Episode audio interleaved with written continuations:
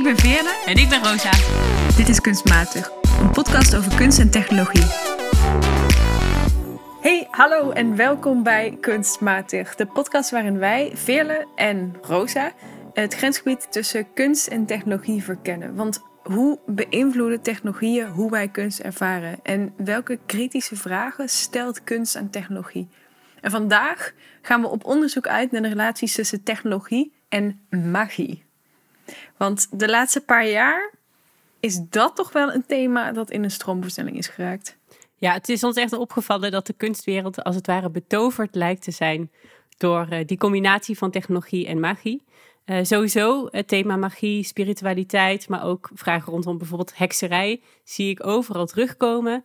Het, alleen al het afgelopen jaar heb ik bijvoorbeeld in het Bonnefantenmuseum een werk over gezien. Een hele tentoonstelling in Kunstinstituut Melli.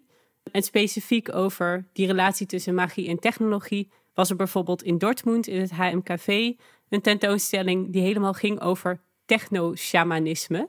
Dus het is ontzettend aan de hand. En daar gaan we jou in deze aflevering natuurlijk een hoop meer over vertellen. Ja, en het is een thema waar we ons, ik kan wel voor ons spreken denk ik, een beetje de koppen over breken. Want waar komt dat nou vandaan?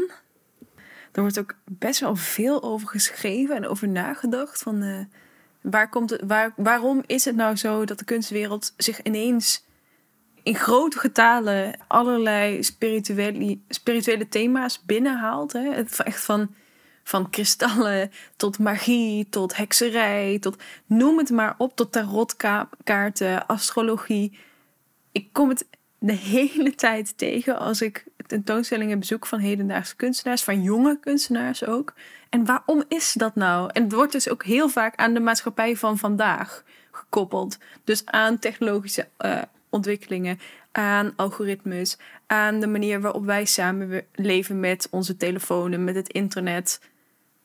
Maar waar komt, die, waar komt die link nou vandaan en wat is die link precies? Ik weet het dus niet.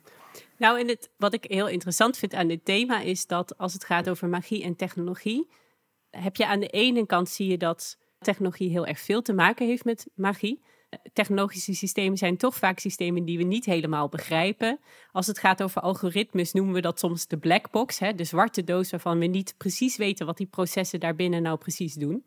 Dus dat heeft iets magisch, iets ongrijpbaars.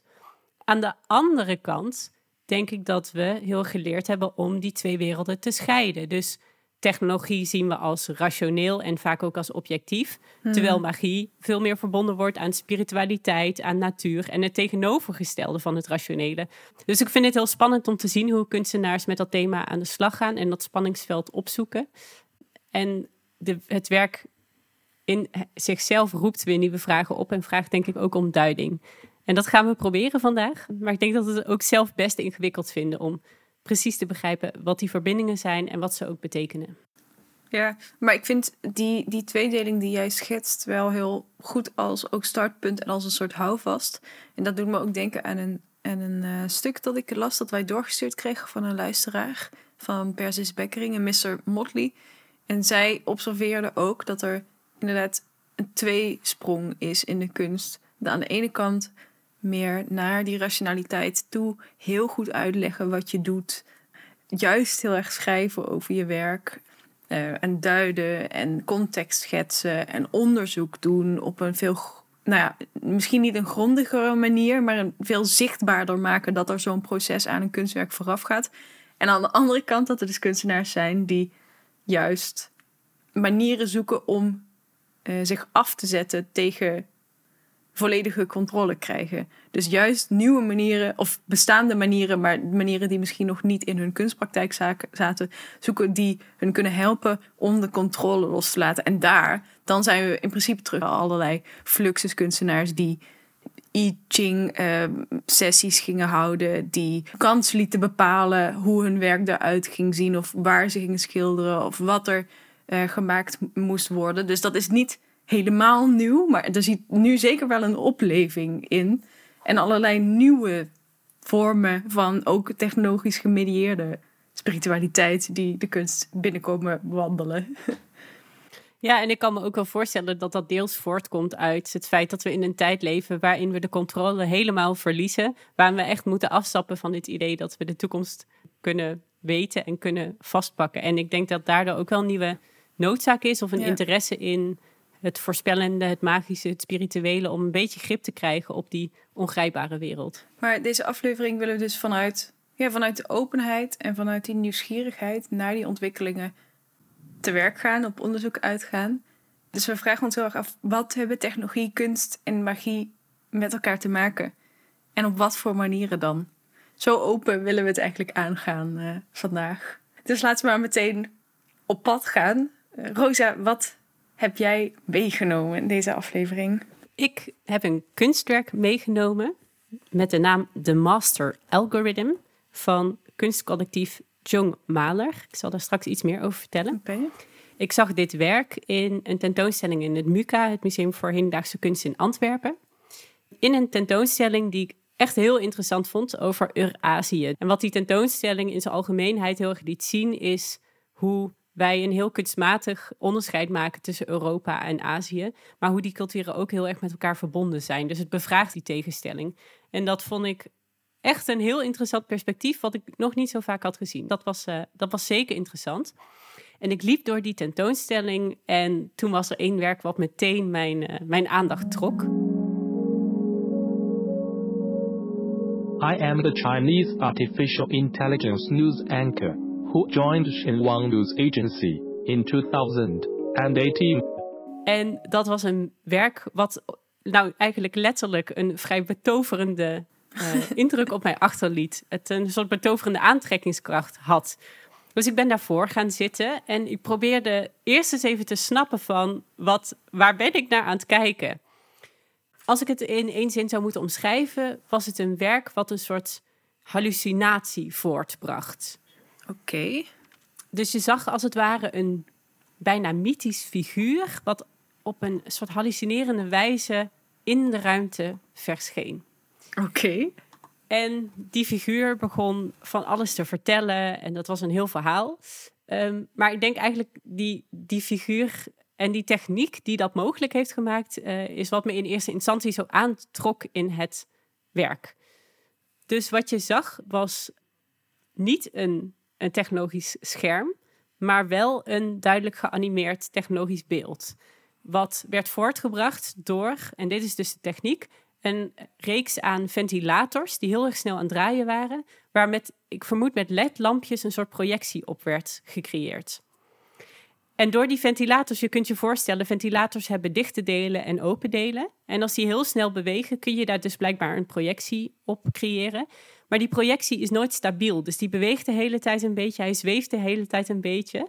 En daardoor creëert het dus een heel hallucinerend, apart, bijna Fata Morgana-achtig effect. Oh, maar dan was het dus... Ik probeer het te begrijpen. Dus het, was, het beeld was niet op een scherm, maar was wel een soort van op die ventilatoren of voor die ventilatoren. Dus ook weer niet zoals als je augmented reality hebt of zo. Dan kijk je op je scherm en dan zie je een 3D-figuur in de ruimte. Het was wel... Het was daar. Het was, het was daar ter plekke. Het is Het was daar ter plekke. Ja, het was niet een geanimeerd 3D-beeld en je hoefde dus ook geen brillen op te zetten om het te kunnen zien. Je kon gewoon kijken en je zag daar ja, dat figuur in de ruimte verschijnen. En daarom trok het ook zo mijn aandacht. En je kon ook een beetje om het werk heen lopen. Dus aan de voorkant kan je echt totaal niet zien dat het om ventilators ging. Maar als je aan de achterkant kijkt, dan zie je wel iets meer de techn- techniek die dat mogelijk maakt. Het gaat dus om het werk, eh, de master algorithm, het, het, het master algoritme, het meesteralgoritme eh, van kunstcollectief Jung Mahler. En dat bestaat uit twee mensen, dus kunstenaar Royce Ing en antropoloog Daisy Bissenieks. En samen maken zij een hoop projecten waarbij ze onderzoek en kunst aan elkaar verweven en heel veel gebruik maken van digitale media als een expressiemiddel. En dit kunstwerk is een holografische, noemen ze het zelf, projectie van een nieuwslezer die een soort menselijke personificatie van een AI-systeem zou zijn. Ik weet niet of je het nog volgt. Het is wel ingewikkeld. Nee, oké. ja, ja. Dus het is een nieuwslezer, maar niet zoals wij die hier op het NOS-journaal zien. Maar een soort, ja, ik weet niet, een soort shamaanachtige nieuws Ja, eigenlijk wel. En ik zou het zelfs omschrijven als een soort sci-fi god. Een soort my- nieuw mythologisch figuur, zoals je misschien in de toekomst zou kunnen Ja, eh, ja. voorstellen. Of niet. Want het werk helpt ons eigenlijk om daar een beeld bij te krijgen. Oké, oké. En die figuur die spreekt ons toe aan de hand van eh, met computer gegenereerde stemmen. Dat is iets wat ik heel vaak zie terugkomen in, eh, in digitale en in nieuwe mediakunst. Ik moet ook eerlijk zeggen dat ik er soms ook een beetje moe van word. dat het elke keer weer die soort van Google Translate stem is die... eh, Oh ja, dat zijn die stemmen die ook niet echt de goede intonatie gebruiken in een soort van... Ik kan het ook niet zo goed nadoen. Nou, ik nou ik vond dat je het best wel goed nadeed. Precies dat soort stemmen. En dat personage, dat verandert de hele tijd, neemt steeds een andere verschijning aan en vertelt ons dan eigenlijk een verhaal, een soort science fiction verhaal over de toekomst van China en de rol van technologie daarin. Hmm. En het gaat een beetje over hoe AI-systemen eh, de toekomst gaan overnemen en verhoudingen tussen mensen en de staat ook veranderen. Er zit een stukje cultuurkritiek in, onder andere over het sociale kredietsysteem in China en surveillance en de staat. Vandaar dat jij ook heel geïnteresseerd bent. Vandaar dat ik het ook meteen heel interessant vond en ik hoorde gezichtsherkenning. Maar het, ik denk niet dat het de sterkte van het werk per se zit in die cultuurkritiek, maar eigenlijk gaat het veel meer over het, ja, in het Engels noemen ze dat worldbuilding. Dus het scheppen van nieuwe werelden, een soort nieuwe toekomst, waardoor we grip kunnen krijgen op wat die algoritmische systemen nou eigenlijk voor ons betekenen en met ons doen. Hmm. En wat ik jammer vond aan het werk is dat nou ja, die stem heel slecht te verstaan was. En er zat ook een stukje ondertiteling bij in dat holografische. Alleen dat was in het Duits Oh ja, ja. en in het Chinees. en dat, Huh? Huh? Nee, wacht even. Oh, ik zeg, oh ja, maar je was in Antwerpen. ik was in Antwerpen, precies. En Dat is, dat is helemaal niet logisch. dat vind ik helemaal niet zo logisch. Dus dat vond ik heel erg jammer. En ik vraag me ook af, ja, was het. Ik denk dat het wel mogelijk was geweest om het werk aan te passen voor het publiek in Antwerpen. Ik denk op zijn minst Engels of Nederlands had ik wel gewaardeerd in die context. Dus als, dat had als gevolg dat ik het verhaal helemaal niet zo heel goed kon volgen en duiden. Maar het had ook misschien wel weer een voordeel, omdat ik daardoor ja, maar gewoon moest gaan kijken en moest kijken van wat doet het met me? Raakt het me? Of waar denk ik dat het over gaat? Of hoe interpreteer ik die beelden? Ja, en, en, en ik denk dat daardoor ik wat meer heb kunnen focussen op dat stukje technologie en hoe me dat betoverde. Ik voel dat er ook een soort mm, thematisch ook iets van magie in zit. Als je vertelt van eh, het is een soort godheid uit de toekomst en een algoritme gepersonificeerd. Daar zit natuurlijk ook iets eh, spiritueels in, in de zin van wij geloven in de macht van ik zeg maar even wezen eh, bij het gebrek aan een beter woord dat we niet kunnen zien, maar dat wel een invloed heeft op hoe we ons leven leven. Dat zit er volgens mij. Dat klinkt alsof dat er ook een beetje in zit. Maar ik vind het heel grappig dat je zegt. Nou ja, dat is misschien niet hetgeen wat het meest indruk op mij maakt. Het is meer dat ik ineens weer zag dat ook het ontwikkelen van een nieuwe technologie kan betoverend op ons werken. Nou, wat ik tof vond is dat de technologie die is gebruikt, eh, die een soort schimachtige, of ja, ik, ik, ik zoek steeds naar woorden, dat kun je horen, een verschijningsachtige holografische figuur ontwikkelt, ehm, dat die technologie zo goed aansluit bij het thema waar het over gaat. En de vraag van, zijn AI-systemen en zijn algoritmes eigenlijk onze nieuwe goden? Zijn zij de nieuwe mechanismen die betekenis geven aan onze wereld nu? Mm. En ik denk deels, ja, we begrijpen het algoritme niet, maar we leven er wel naar en we laten onze toekomst er ook steeds meer door bepalen. Dus voor mij was die parallel heel interessant. Ja, dit mij dus ook denken aan iets wat ik heb gezien bij, een, ehm, bij het Rotterdam Philharmonisch Orkest. En dat was in een kindervoorstelling. En er was wel een scherm, maar dat was een doorzichtig scherm. Waar ze met een bepaald type projectie werkten, waardoor het leek alsof een figuur in de lucht zweefde boven het podium. En in zekere zin was daar iets gelijkaardigs aan de hand, want dat figuur moest een alien voorstellen in het verhaal van de, van de kindervoorstelling. En het was dus ook heel belangrijk dat die kinderen niet naar een scherm zaten te kijken, want die zitten altijd al, Ja. nou ja, die kennen schermen gewoon hartstikke goed. Dus dan is meteen dat stukje magie van buitenaards leven, van iets dat we nog niet kennen, van iets dat hier binnenkomt en waar wij contact mee willen maken. Dat zou waarschijnlijk veel sneller weg zijn geweest op het moment dat het duidelijk gewoon een scherm was met een projectie. Dus in plaats daarvan was het een 3D-projectie, waardoor die figuur leek te zweven boven, in de ruimte boven het podium. Daar doet het me ook aan denken. Nou, precies. Ik vind het heel leuk dat je die connectie legt met kinderen. Want ik, het, er kwam een soort kinderlijk enthousiasme naar, in me naar boven. En ook een nieuwsgierigheid van ik wil dit begrijpen. Maar tegelijkertijd het ook niet helemaal willen begrijpen. Omdat daarmee die betovering misschien een beetje uh, weggaat. En om dat weer eens zo te ervaren. Ik, ik ben ook iemand die heel erg houdt van conceptuele kunst en het verhaal daarachter. En ik, hoorde facial recognition en surveillance. Dus mijn, mijn uh, onderzoeksbrein ging meteen al, uh, al aan. Maar wat er uiteindelijk wat, me, wat er echt is blijven hangen van het werk is veel meer, ja, hoe, hoe interessant de technologie was en die verschijning die ze hebben weten te realiseren. En ook hoe je eigen verbeeldingskracht daarbij um, weer eens op een fijne manier aangezet wordt. Ja, dan ben ik wel benieuwd. Kunststofmatig? Niet makkelijk, volgens nee, mij. niet makkelijk. Ja, ergens dus ook weer op een mooie manier, op een, op een artistieke manier kunstmatig? Is dat een antwoord? ja. Ja. Ik, um, ik vond, uh, ja... Mm. Nou, zo vaak moet je niet twijfelen hierover. Nee, klopt. Nou, laten we toch kunst noemen, want het heeft me geraakt en het is me bijgebleven. En het heeft mijn verbeeldingskracht aan het werk gezet. Veerle, ik ben heel benieuwd. Ik weet dat je naar een tentoonstelling bent gegaan, maar daar blijft het ook bij. Wat heb jij deze keer meegenomen? Ik heb ook een kunstwerk meegenomen dit keer. Uh, het werk Performance People. Dat is van Ai Arakawa, maar dat is gemaakt samen met uh, kunstenares Saha Chow en met een sound art, soundscape werk van Christian Naujoks. En dat is een werk uit 2018. En ik zag dat dus in de kerstvakantie in Düsseldorf. Want net als jij was ik uh, even Nederland ontvlucht. In Düsseldorf in K21, een museum daar. En dat was een collectie tentoonstelling gewoon. En toen liep ik niets vermoedend een ruimte binnen. En toen zag ik dit werk. Zou er nou een tijdje naar te kijken. Er zijn drie uh, gebatikte doeken.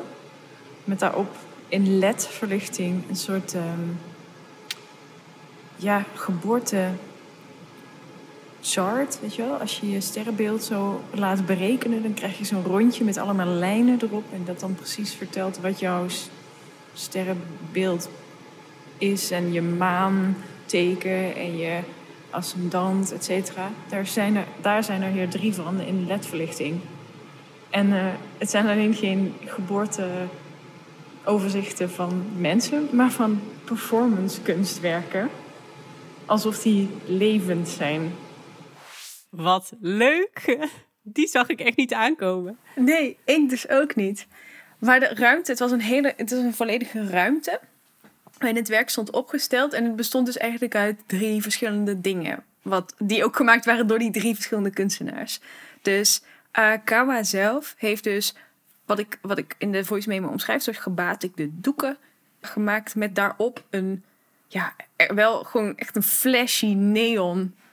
Ik vind, ik vind het goede woord. In Nederlands zou ik het birth chart. Geboortekaart. Hoe zeg je dat? Ja, zo'n geboortekaart. Maar dan bedoel ik niet een kaart dat je opstuurt, maar zo'n kaart met die sterrenbeelden en het heelal erop van het moment dat jij geboren bent. Een soort geboorteatlas. Zoiets, ja. En daarnaast, dus die zag je meteen, want die gaven licht en die waren gekleurd. En dan dacht ik meteen, wow, huh, dat is een soort astrologie. Wat is hier aan de hand? En er was ook een soundscape dat speelde. Dat was de hele tijd een beetje soort buiten naar het geluid. En dan af en toe begonnen er mensen te spreken. Alsof, uh, er was, alsof je een slechte internationale telefoonverbinding had. Met heel veel geluiden erbij. Ja, een beetje, een beetje Hoe dan ook, dus dat hoorde je. En aan de andere kant van de ruimte hingen er grote platen met uh, teksten. En dat als je meteen toen je begon te lezen in het Engels was dat, bleek dat dat dan de uitgeschreven horoscopen waren die bij die birth charts hoorden. Maar zodra je dat dus begon te lezen, dacht je, mm, dat is interessant, want dit gaat niet over mensen, maar over kunstwerken. En hoe zag je dat? Hoe werd dat duidelijk? Nou, omdat ze dus, zei, omdat ze dus uh, daarboven dan aanspraken van uh, jij bent die en die. Dus dan was het bijvoorbeeld een uh, performance kunstwerk van Yoko Ono. Cut Piece van Yoko Ono uit 1964. Of er was een werk bij van ehm, Vito Acconci, ook een bekende kunstenaar uit de jaren 50, 60. Allemaal, ja, als je, zoals ik kunstgeschiedenis heb gedaan, werken van, waarvan je dacht, oh ja, ja, oh ja. eh, bekende performance kunstwerken die ooit in de jaren 60 meestal voor het eerst uitgevoerd zijn geworden. Maar het was super absurdistisch. Want er was vanuit gegaan... Oké, een performance kunstwerk is een beetje een gek type kunstwerk. Want normaal is er een ding bij een kunstwerk. Terwijl performance kunst, kunstwerken, die zijn een, een stuk. En soms bestaat er een scriptje voor of een omschrijving. Maar soms ook helemaal niet. En ze hadden dus gedacht, nou ja... Op basis daarvan zou je kunnen zeggen... dat een performance kunstwerk ook, net als een mens... een geboortetijd en plek Ah. heeft eh, in de vorm van de plek en de dag en de datum waarop het voor het eerst uitgevoerd is. Dus dat moment hadden zij gekozen als de geboorte van het werk. En daar hadden ze dus die berekeningen op losgelaten. En je kent, je kent eh, van die astrologische teksten wel. Dus dan was het echt zo van. eh, heel gedetailleerd over hun persoonlijkheid en hun onzekerheden en de uitdagingen die de kunstwerken waarschijnlijk zouden tegenkomen in hun leven. Oh ja, dan stond er bijvoorbeeld: eh, You are a tender, nurturing eh, person who might live in a commune. Weet je wel, het slaat helemaal nergens op. Your friends and community are important to you, but you are a huge and unpredictable jerk Until you develop self-awareness. Dus het was wel een vrij grove eh, astrologische eh, lezing. Die dus waren geschreven door Sarah Chow. Zij had een soort satirische variant op horoscoopteksten gemaakt. En dan heel gedetailleerd over verschillende aspecten van het leven van het kunstwerk. Het was een werk waar zoveel aan de hand was. En ik eh, vond het heel grappig omdat het in eerste instantie dacht ik, oh, steekt het nou volledig te draak met astrologie? Maar toen ik later ging nadacht, dacht ik, ja, misschien ook niet. Misschien is het meer een soort gedachte-experiment over de tijdelijkheid van performance kunstwerken. Die geboren worden en dan op een bepaalde manier doorleven. Ik weet het niet. Ik moet zeggen, ik vind dat idee van een performancewerk wat geboren wordt en misschien ook op een dag sterft, wel heel een hele mooie benadering. Dus het lijkt eigenlijk alsof hier de astrologie gebruikt is als een ja, soort interface bijna, of als een soort lens, waardoor we anders naar performance kunst kunnen gaan kijken. Ja, Maar volgens mij is het en een soort kunstkritiek in kunst. En een soort maatschappijkritiek, waarbij ook een beetje de zeitgeist wordt gevangen. ja. Als door het lens waardoor we blijkbaar heel veel mensen nu steeds meer kijken en betekenis proberen te geven. Wat ik, wat ik me ook afvraag, aan het begin van deze uitzending had jij het kort even over de vraag van hoe nieuw zijn die verbindingen tussen kunst en, magie nou echt? Want in de jaren 50, 60 zag je dat ook al een beetje. Denk je dat het daar eh, ook wat over zegt? Goh, ik weet niet per se of het daar iets over zegt. Ook uit de keuze van de, van de performance kunstenaar, kunstwerken zie je niet per se dat dat allemaal werken zijn. Bijvoorbeeld die werken met een bepaald soort, eh, vaak Aziatische filosofie werd heel veel gebruikt eh, door performance kunstenaars, maar niet per se deze. Ja, Yoko Ono heeft daar her en der wel mee gewerkt. Dus dat weet ik niet. Maar aan de andere kant, ja, ik, moet er dan toch wel aan denken. Wat er eigenlijk gedaan wordt, precies zoals jij zegt, als een soort lens of als een soort super subjectief framework van, van de astrologie of van de horoscopen zoals we ze vandaag kennen en ook veel tegenkomen. In elk tijdschrift staat zo'n soort tekstje. Om dat toe te passen op die kunstwerken en op dat specifiek dat medium van performance kunst, ja, daar herken ik wel een dynamiek in. Dat vind ik zo spannend. Er zit echt spanning in. Het is best wel ingewikkeld werk. Het is ergens lijkt het ook wel kritisch op dat soort hele westerse, want astrologie is best wel een westerse manier van eh, dui- duiden van de wereld. Dat schrijven zij ook in hun eigen teksten, terwijl in ieder geval twee van de drie kunstenaars hebben een Aziatische achtergrond. Dus het is ook een soort van kritiek op dat systeem en hoe typisch dat is en wat voor taal dat gebruikt en hoe dat mensen en dingen duidt en in een soort bepaalde vorm giet. Maar tegelijkertijd opent het ook weer de blik op die performance kunstwerken Ja. anders. Het klinkt een beetje alsof het werk in plaats van te zeggen... we moeten wetenschappelijke manieren van de wereld begrijpen, of misschien ook wetenschappelijke analyses of rationele interpretaties van de kunst aan de kant schuiven. En we moeten nu alleen nog maar door astrologische manieren naar de wereld kijken. Dat is volgens mij niet wat het werk zegt, maar volgens mij gaat het veel meer over wat kunnen we ook leren of winnen als we eens die blik veranderen.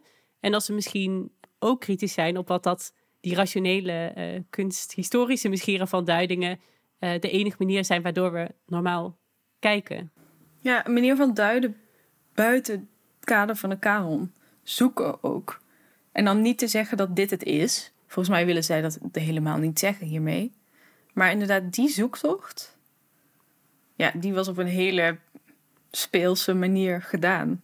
Ja, want deze manier van kijken maakt het dus mogelijk om ineens na te kunnen gaan denken over een performance kunstwerk als iets wat geboren wordt. Mhm. En dat vind ik wel een heel spannend idee, want eigenlijk klopt dat heel erg. Ja, ja en dat is een, klein, een kleine detour misschien, maar ik heb collega's bij de Universiteit Maastricht die dus onderzoek doen naar conservatie van kunst. En, zich daar, en van hedendaagse kunst. En daar zich daarbij heel veel bezighouden met performance kunst. Want performance kunst is, levert een hele hoop problemen op voor musea. En ook daar weet ik dat er mensen bezig zijn met het gebruiken van het nadenken, anders nadenken over kunstwerken als dingen met een soort biografie. Dus een soort levensloop, die dus niet de hele tijd hetzelfde moeten worden gehouden, maar dat je dus juist met de levensloop van een werk mee moet bewegen. En dat herkende ik ook in dit, in dit werk. Ja, ik moet ook meteen denken aan die interviews, dat er met het werk gepraat werd. Ja, prachtig. Um, ja. En dat er een soort voorspelling was van hoe het werk zich zou ontwikkelen. Dat, en het lijkt de ruimte te creëren om ja, op een andere manier over performance kunst te kunnen gaan nadenken. Ja, want inderdaad, die, die, eigenlijk die vraag van wat past er nou bij het karakter van dit werk? Dat is een super goede vraag om te stellen als jij bij een museum werkt en met zo'n ingewikkeld werk moet dealen. Ik denk dat we zijn aangekomen bij de vraag: is dit kunst of matig?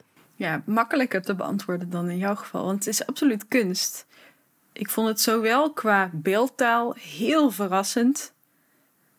Echt heel verrassend. Die combinatie van echt satirische tekst en geluidskunst en doeken met een lichtkunstinstallatie. En thematisch hield het me gewoon een hele week nog bezig. Dus dat is um, zeker kunst.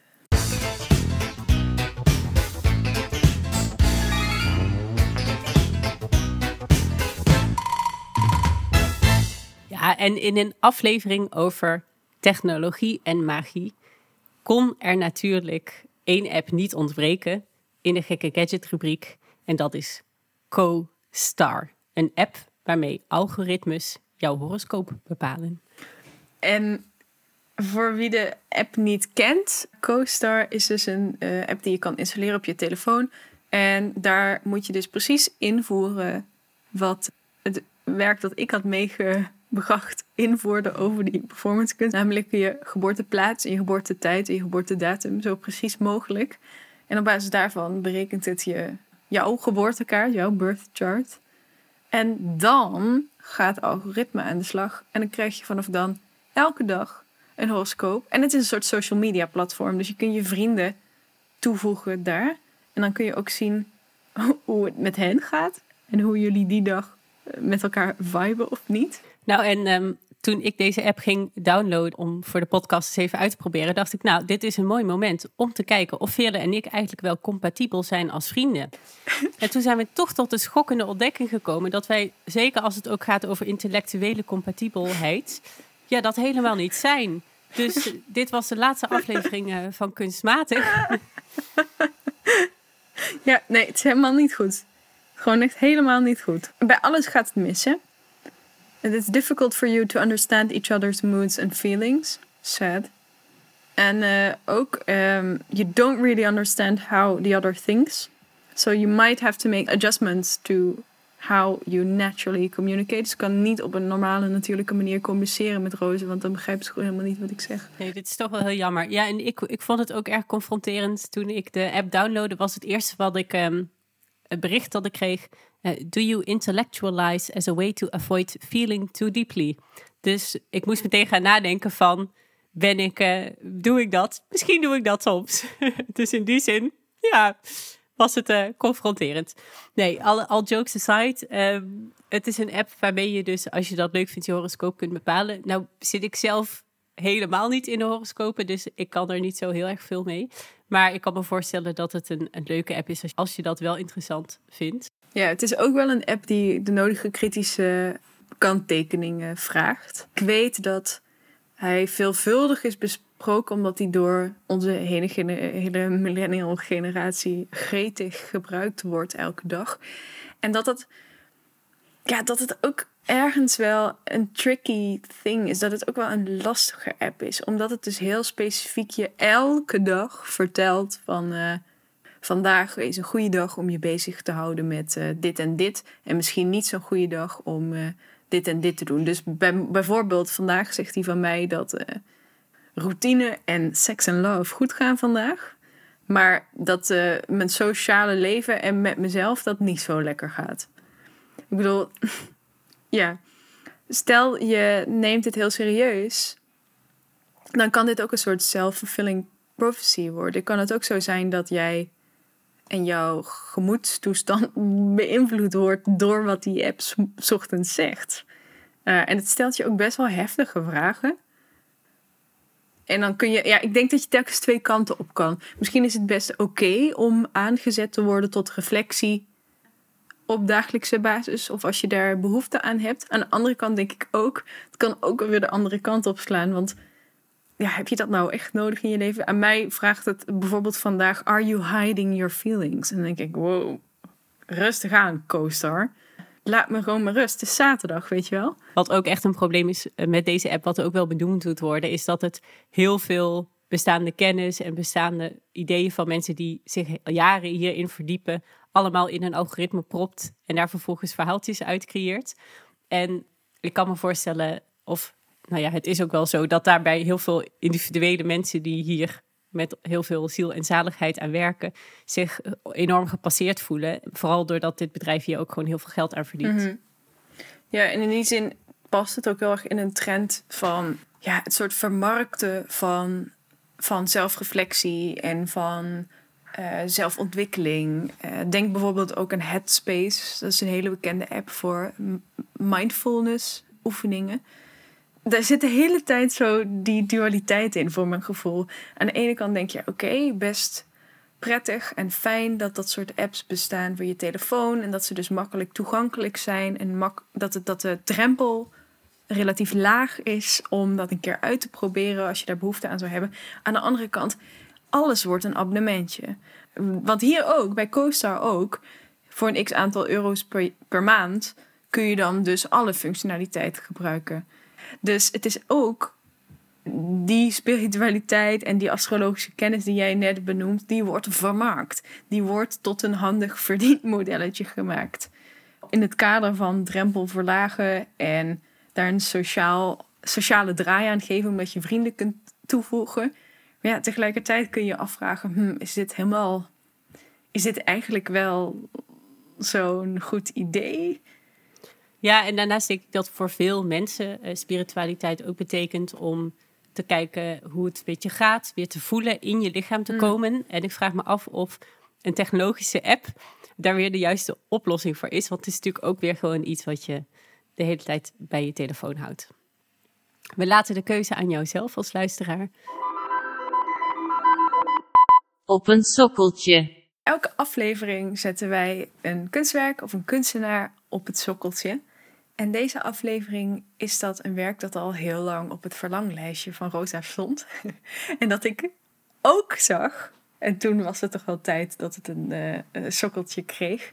Het is het werk uh, Premium Connect uit 2017 van Tabitha Rezer. Ik ben al jaren fan van het werk van Tabitha Rezer die veel videokunst maakt en een hele eigen stijl heeft. En dat zien we ook weer heel duidelijk terugkomen in uh, Premium Connect. Dus wat je je kunt voorstellen als je haar werk nog nooit hebt gezien, is een heel overweldigend spektakel aan beeldmateriaal. In een, dat noemen ze volgens mij ook wel een netart-stijl. Waarbij er heel veel referenties zijn naar popcultuur, maar met name ook naar internetcultuur. Dus van emojis tot memes, het komt allemaal voorbij. Maar Reser verbindt dat eigenlijk juist met videowerk, met eh, spirituele verwijzingen, eh, met hele aardse dingen. Dus het is echt een collage van hele futuristische geanimeerde internetbeelden en dingen die heel erg gaan over de natuur. Ja, een collage is het beste woord, denk ik, om haar werk te omschrijven, om dit werk te omschrijven. Want ik ben dus niet zo bekend met haar werk, of ik was niet zo bekend met haar werk. En toen ik dit voor het eerst tegenkwam in een tentoonstelling, zag ik meteen dat dit een video was zoals ik die nog niet vaak eerder had gezien. Ik zag allemaal verschillende soorten uh, videotechnologie, als het ware. Dus zowel animaties, maar dan best wel ouderwetse animaties. Dus dat je ziet, oké, dit is niet met de nieuwste technologie gegenereerd, maar van een aantal jaar terug. Zoals wij dat nu heel goed kunnen zien, ook in een film als die verouderd is. Ja, bijna, zo, bijna een soort van begin van de 2000 jaren internetcultuur. Ja, dus net een beetje pixelated, net een beetje niet dus dat de schaduwwerking niet helemaal klopt. Je kent het soort, dat kwam thuis tussendoor. Tegelijkertijd zag je heel veel beelden van computerschermen, waarop dan weer een heleboel gebeurde, alsof het soort schermopnames waren. Maar daar overheen gemonteerd waren dan ook video-interviews, gewoon video-interviews met mensen, met personen. En je zag allemaal foto's en eh, echt collageachtige verzamelde beelden dan weer tussendoor kwamen. En die kwamen ook niet beeld voor beeld, maar ook bij elkaar in beeld. Dus er gebeurt heel erg veel in dit videowerk op een hele rare manier. Waardoor ik meteen dacht, oh, hier moet ik even wat langer naar kijken. Ja, wat ik heel mooi vind aan het werk van Rezer is dat ze op een prikkelende, soms luchtig, vaak met, met humor, hele heftige politieke thema's bespreekt.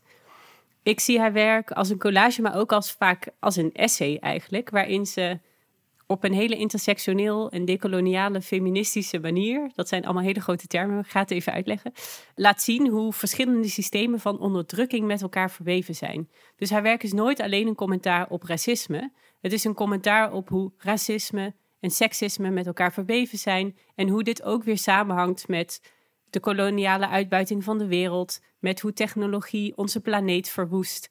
En haar praktijk is eigenlijk altijd een zoektocht naar aan de ene kant kritiek geven op die systemen, laten zien hoe onderdrukking nog steeds plaatsvindt, maar ook nadenken over soms utopische alternatieven. Hoe kunnen we zorg dragen voor onze technologische wereld? En hoe kunnen we ook ons perspectief verbreden en nieuwe verbindingen maken om ja, met die wereld uh, om te gaan, die zoveel crisissen doorgaat en zoveel te verduren heeft? Ik kan me helemaal voorstellen als je deze uitleg van Rosa hoort, dat je ook denkt, klinkt wel heel uh, zwaar.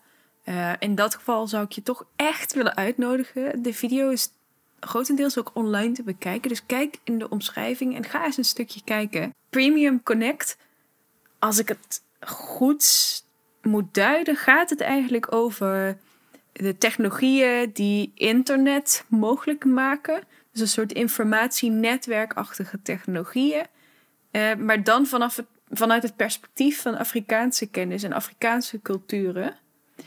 En ze zegt, we denken daar heel vaak alleen binnen een westerse context over na. Maar op andere plekken in de wereld zijn er ook dingen ontwikkeld die aan de basis en aan het fundament liggen van het internet zoals wij dat vandaag de dag kennen. En een van die plekken is Afrikaanse spiritualiteit.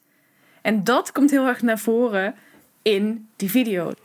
Ik merk dat het werk van Reserve mij persoonlijk ontzettend confronteert met toch bepaalde dogma's of vooroordelen of vooringenomen ideeën ik heb over wetenschap en over technologie.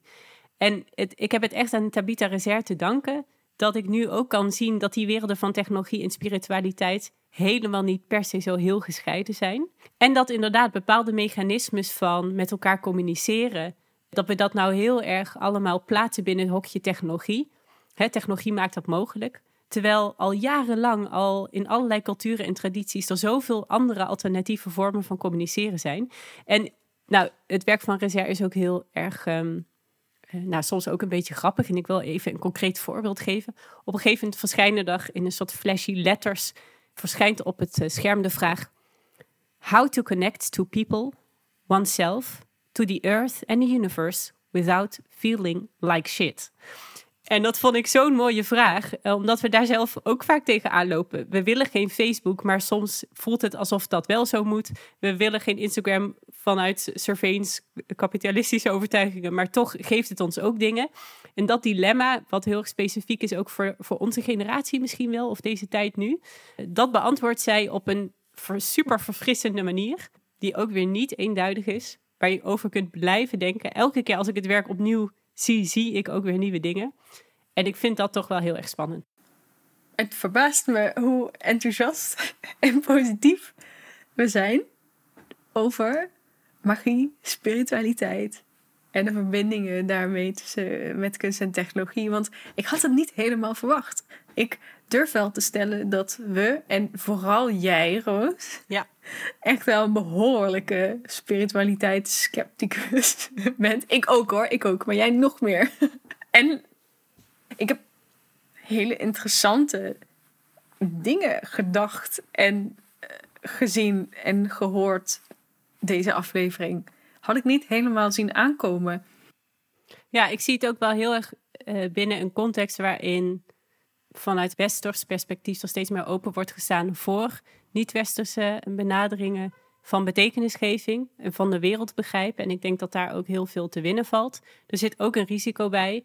Ik denk dat het heel goed is om kritisch te blijven op wie maakt zo'n werk, uh, op welke kennis wordt er voortgebouwd en is het geen um, ja, toe-eigening van kennis die niet van jou is. En zeker. Co-star. Ja, co-star. Zeker als het gaat over, um, over de momenten waarop dat ook nog uh, ingezet wordt voor financieel gewin, denk ik dat we steeds moeten afvragen wie wordt hier um, bevoordeeld en benadeeld en welke machtsstructuren zijn aan de hand. Maar ik moet zeggen dat ik ook best wel positief verrast ben eigenlijk. Het komt ook denk ik door de selectie van werken die we voor deze aflevering tuurlijk, hebben gemaakt. Tuurlijk. Dus ik kan me voorstellen dat we misschien in een, uh, in een andere aflevering dan nog weer een keertje op terugkomen. En misschien komen we dan weer tot andere conclusies. Maar ik denk dat de conclusie van deze aflevering is dat die combinatie van magie en technologie misschien toch niet zo vreemd is als hij op het eerste gezicht lijkt. Ja, hey, iets heel anders. Zit jij nu op Spotify te luisteren? Zo ja? Wil je heel even je telefoon pakken? Want, vanaf, want sinds een poosje kan je ook op Spotify je podcasts uh, beoordelen. En het zal ons super erg helpen als je even zo klikt op vijf sterretjes. En trouwens, als je op Apple Podcasts zit te luisteren, mag dat natuurlijk ook. Maar we vragen je toch even om dat nu te doen. Het kost je echt 10 seconden en wij worden daar heel erg uh, blij van. Ben je nou nieuwsgierig geworden naar de werken die wij besproken hebben? We hebben het al eerder gezegd. Sommige van de werken kun je in zijn geheel bekijken online. Die links staan altijd in de beschrijving van de aflevering. En op onze Instagram pagina, kunstmatig de podcast. Uh, dan zien we je heel graag daar. En uh, we horen je ook graag terug over een maandje met de volgende aflevering van Kunstmatig. Doei! Doei.